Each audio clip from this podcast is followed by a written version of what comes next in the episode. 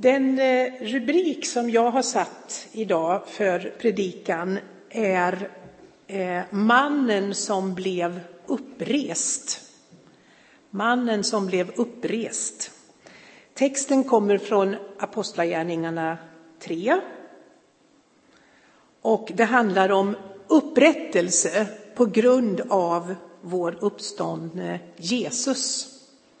Det handlar om det största undret och det handlar om de mindre under som pekar på och som utgår ifrån detta det största undret, nämligen Jesu uppståndelse. Och vi ska börja med en nyckelvers i Apostlagärningarna och ha den som, som språngbräda. Och det är Apostlagärningarna 1 och 8. Där, säger, eh, där står det så här, det är Lukas som skriver. Eh, men det är Jesus som han citerar. Och det står, när den heliga ande kommer över er ska ni få kraft att bli mina vittnen i Jerusalem och i hela Judeen och Samarien och ända till jordens yttersta gräns.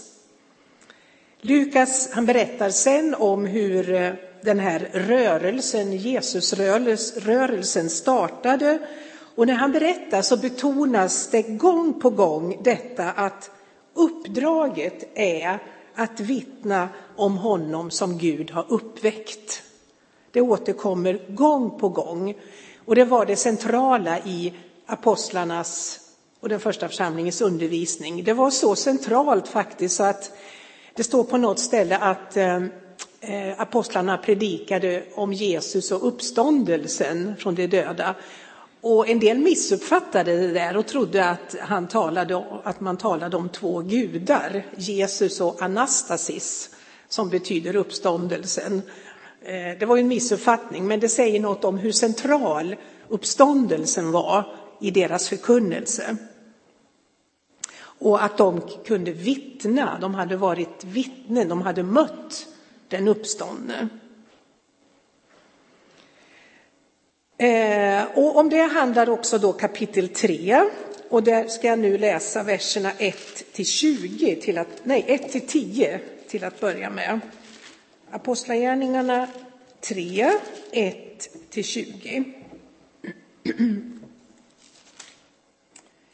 Petrus och Johannes gick upp till templet vid tiden för eftermiddagsbönen. De följde alltså den gamla vanan och seden. Då bars det dit en man som varit lam från födseln och som varje dag brukade, sett, brukade och som man varje dag brukade sätta vid en ingång kallad Sköna porten så att han kunde tigga av dem som besökte templet. När han nu fick se Petrus och Johannes på väg in bad han om en allmosa. De fäste blicken på honom och Petrus sa, se på oss. Mannen såg spänt på dem och väntade sig att få något av dem. Men Petrus sa, silver och guld har jag inte, men vad jag har, det ger jag dig. I, Jes, i Nazaren Jesu Kristi namn, stig upp och gå. Så grep han honom i högra handen och reste honom upp och med ens fick mannen stadga i fötter och vrister. Med ett språng var han på benen och började gå. Han följde med dem in i templet och han gick omkring och han hoppade och han prisade Gud. Allt folket såg honom gå omkring och prisa Gud. Och när de upptäckte att det var mannen som brukar sitta och tigga utanför templet vid sköna porten fylldes de av bävan och häpnad över vad som hade hänt med honom. Hur kunde det kännas att vara den här mannen? Att aldrig någonsin ha kunnat gå.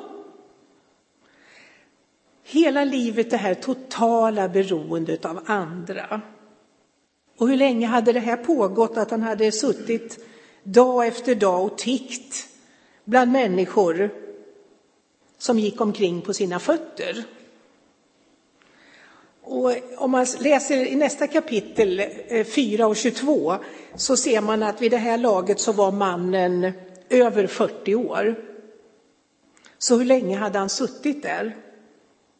En gissning kan vara att han hade suttit där sedan föräldrarnas död, när det nu var.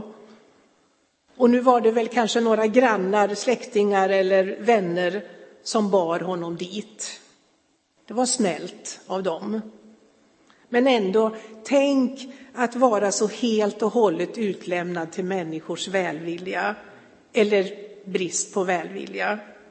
Inte bara när det gällde pengarna i sig, utan själva möjligheten att sitta där och tigga. Det står ju som man varje dag brukade sätta. Man riktigt hör hur utlämnad han är åt andra. Det är inte ens han som sätter sig, det är andra som sätter honom.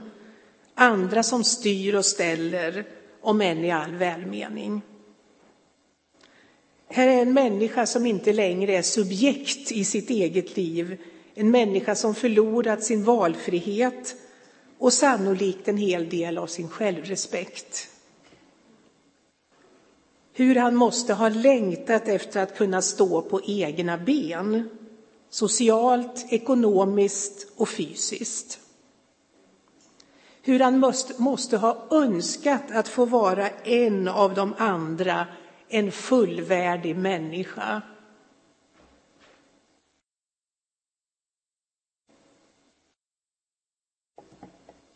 Och det var inte nog med att han inte kunde ta sig fram som han ville. Det var också så att han inte fick komma in var som helst.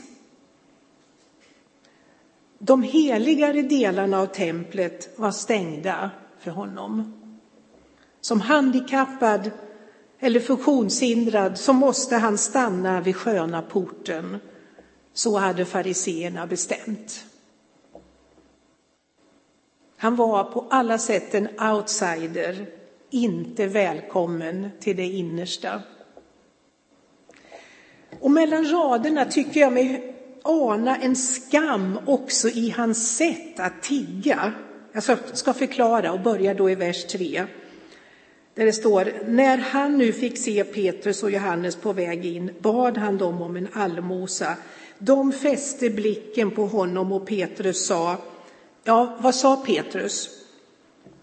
Ofta har jag hört det läsas och själv läst det så här, se på oss. Och så har det lett till utläggningar om apostlarnas stora frimodighet, att de minsann inte gömde sig bakom några fromma uttryck som se på Jesus och se inte på oss. Och, utan att de i tro på den Jesus som bodde i dem kunde frimodigt säga se på oss. Så har man ofta, eller har jag ofta eh, hört det hela. Men det, ligger, det kan ligga mycket i det, jag säger inte det. Men vid en ny läsning av den här texten så hörde jag någonting annat. Jag hörde Petrus ord inte främst som ett uttryck för frimodighet utan mer som en inbjudan till ett personligt möte och ett uttryck för inkännande. Alltså så här, se på oss. Petrus säger se på oss. Och när det dessförinnan står att Petrus och Johannes fäste blicken på mannen så är det en bra översättning eftersom det grekiska ordet där talar om att stadigt och ingående och med avsikt se på någon. Det första som händer är alltså att mannen blir sedd. Apostlarna ser honom och de upplever tydligen ett tilltal från Gud. Man kan anta att det här inte var första gången som de såg den lame mannen sitta där vid porten. Men det är först den här dagen som de ser på honom med just den där inträngande blicken. Och det är först nu som Petrus vänder sig till honom och säger de här orden, se på oss. Och då kommer frågan, varför sa han så? Hur tänker jag med den betoningen? se på oss. Jo, det är där som jag tycker mig ana den där skammen. För en naturlig förklaring till att Petrus säger som han gör kan väl vara att mannen, när han bad om en allmosa, undvek då ögonkontakt. För under årens lopp så hade han säkert mött många blickar som gjorde väldigt ont. Blickar av förakt och kyla, blickar som vek undan, blickar som medlidsamt såg ner på honom. Enklare då att bara undvika människornas blickar och låta blicken stanna inom sig själv. Och så idag dessa ord uttalade med en varm stämma, se på oss. Här kommer alltså två män som istället för att snabbt och pliktskyldigt slänga till honom en slant så inbjuder de till ett mänskligt möte. Det är som att Petrus säger, kom ut ur din skam, räta på dig, du är också en människa. Och mannen han ser på Petrus och Johannes uppmärksamt, eller som vi nyss läste i Bibel 2000, han såg spänt på dem. Han måste ha undrat. Det var ju inte så här det brukar gå till. Det vanliga var att folk rutinmässigt och för samvetets och ordningens skull slängde en liten slant och sen var det bra med det. Men att på det här sättet bli sedd och tilltalad, det var märkligt bara det. Och ännu märkligare är det som, se, som sen sker när Petrus säger, och nu ser vi ju verkligen prov på hans frimodighet, när han säger Silver och guld har jag inte, men vad jag har det ger jag dig. I Nazaren Jesu Kristi namn, stig upp och gå. Och vad är det som händer i detta? Jo, apostlarna agerar i ord och handling som vittnen om den uppståndne. Först orden i Nazaren Jesu Kristi namn, alltså på grund av Jesus, därför att han är den uppståndne som har besegrat död och sönderfall.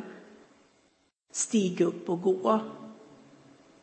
Och sen en handling. Så grep han honom i högra handen och reste honom upp.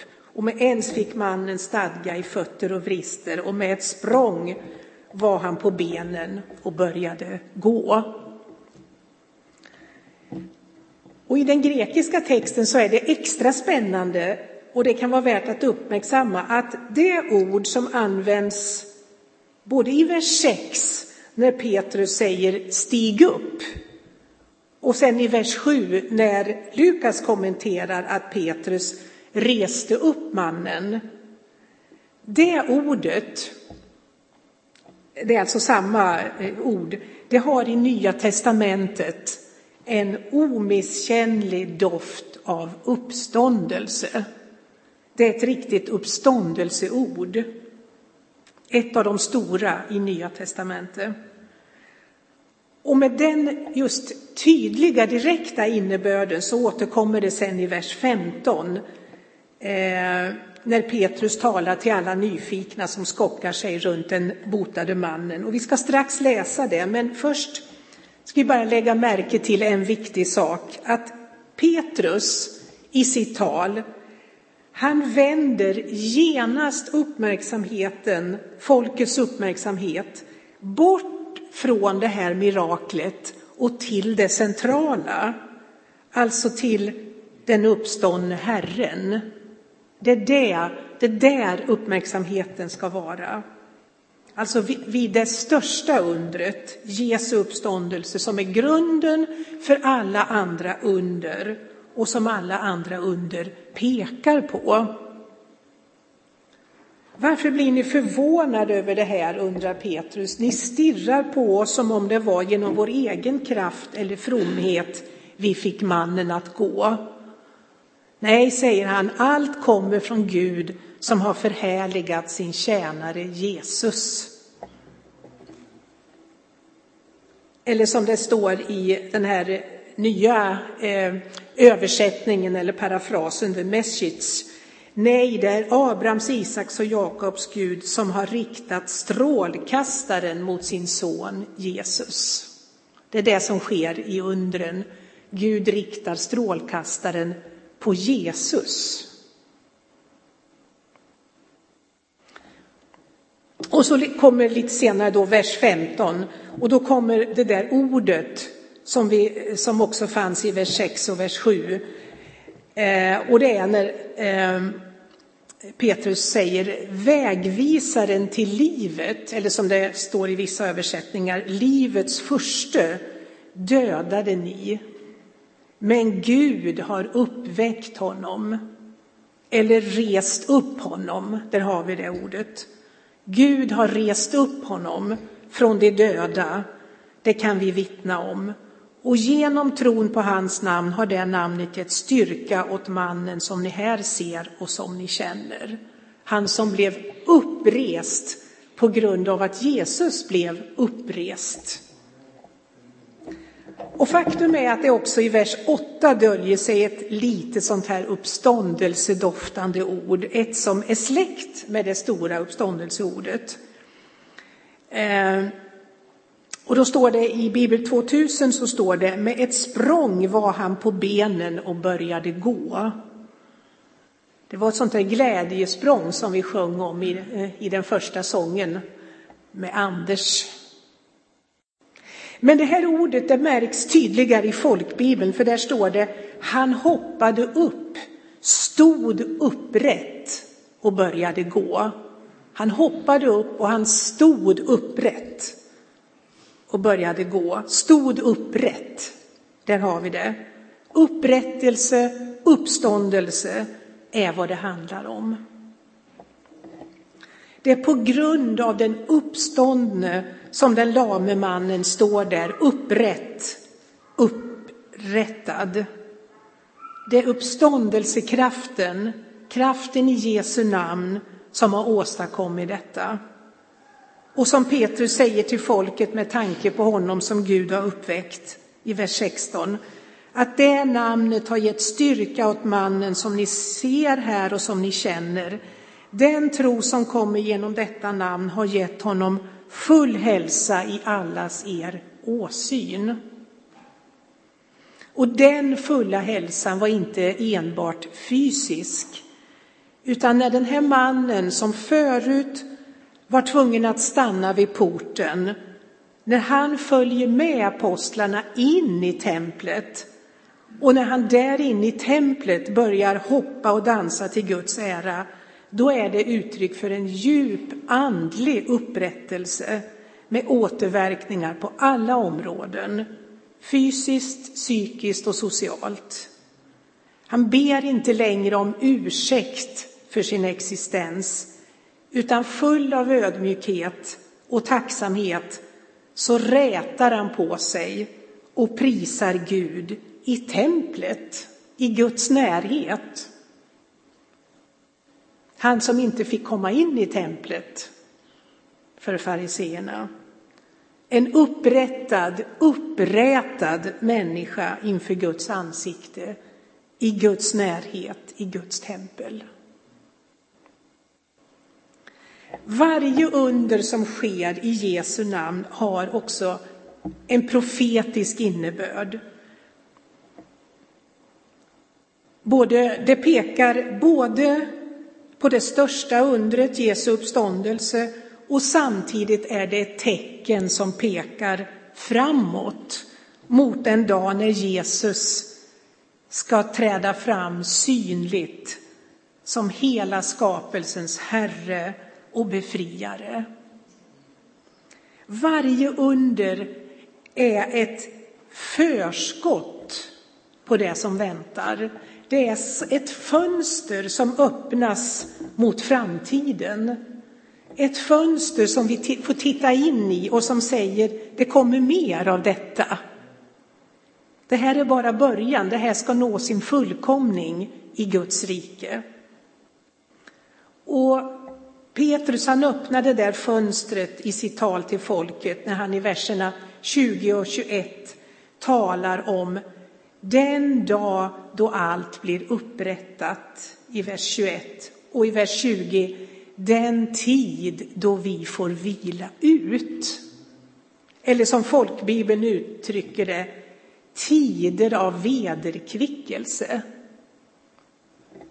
Och nästan allra bäst blir det, tycker jag, om vi tar det riktigt ordagrant från grekiskan och säger den tid då vi får andas ut. Det, det är framtiden i Guds rike och som varje under pekar på, på grund av Jesu uppståndelse. Den tid kommer när vi får andas ut. När vi får upprättas helt och upprätas som människor helt inför Guds ansikte. Det är det frälsningen handlar om. Och det är den framtid som varje helande under pekar fram emot. Ungefär som det friska olivbladet som för Noa var ett tecken på den nya skapelse som väntade bortom undergång och förödelse. Ni vet i arken när duvan kom tillbaka med ett olivblad som talade om nu, nu är skapelsen redo. Eller som någon har sagt apropå undret vid Sköna porten, den botade mannen som jublande prisade Herren som ett befriat Guds barn representerar en hel mänsklighet. Han är Adam, det vill säga vi alla, som en dag med ett språng ska resa sig ur sin förnedring och jubla inför Gud. Detta är ett budskap till oss alla. Och det är det hoppet som förmedlas genom evangeliet om den uppståndne Jesus och som också tydliggörs i vårt dop.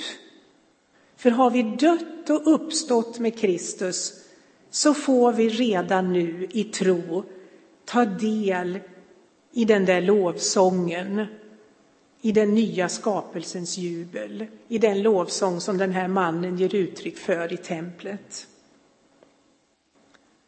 I Kristus är vi upprättade, upprätade inför Gud. Vi har blivit inlemmade i Kristi kropp, den kropp som får liv genom uppståndelsens kraft och som den uppreste mannen kan stå som en bild för.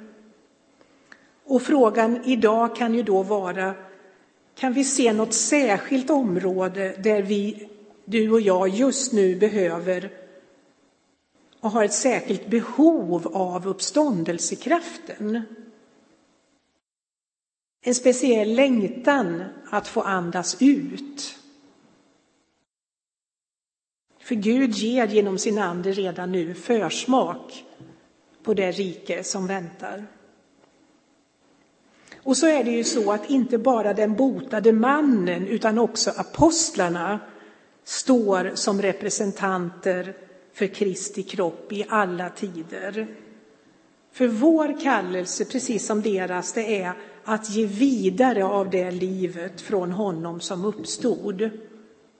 Ingenting mindre än detta är vår kallelse. Att mitt i en sönderfallande värld vara vittnen om livet som vann, om Jesus Kristus som segrade för att vi ska få leva. Låt oss be.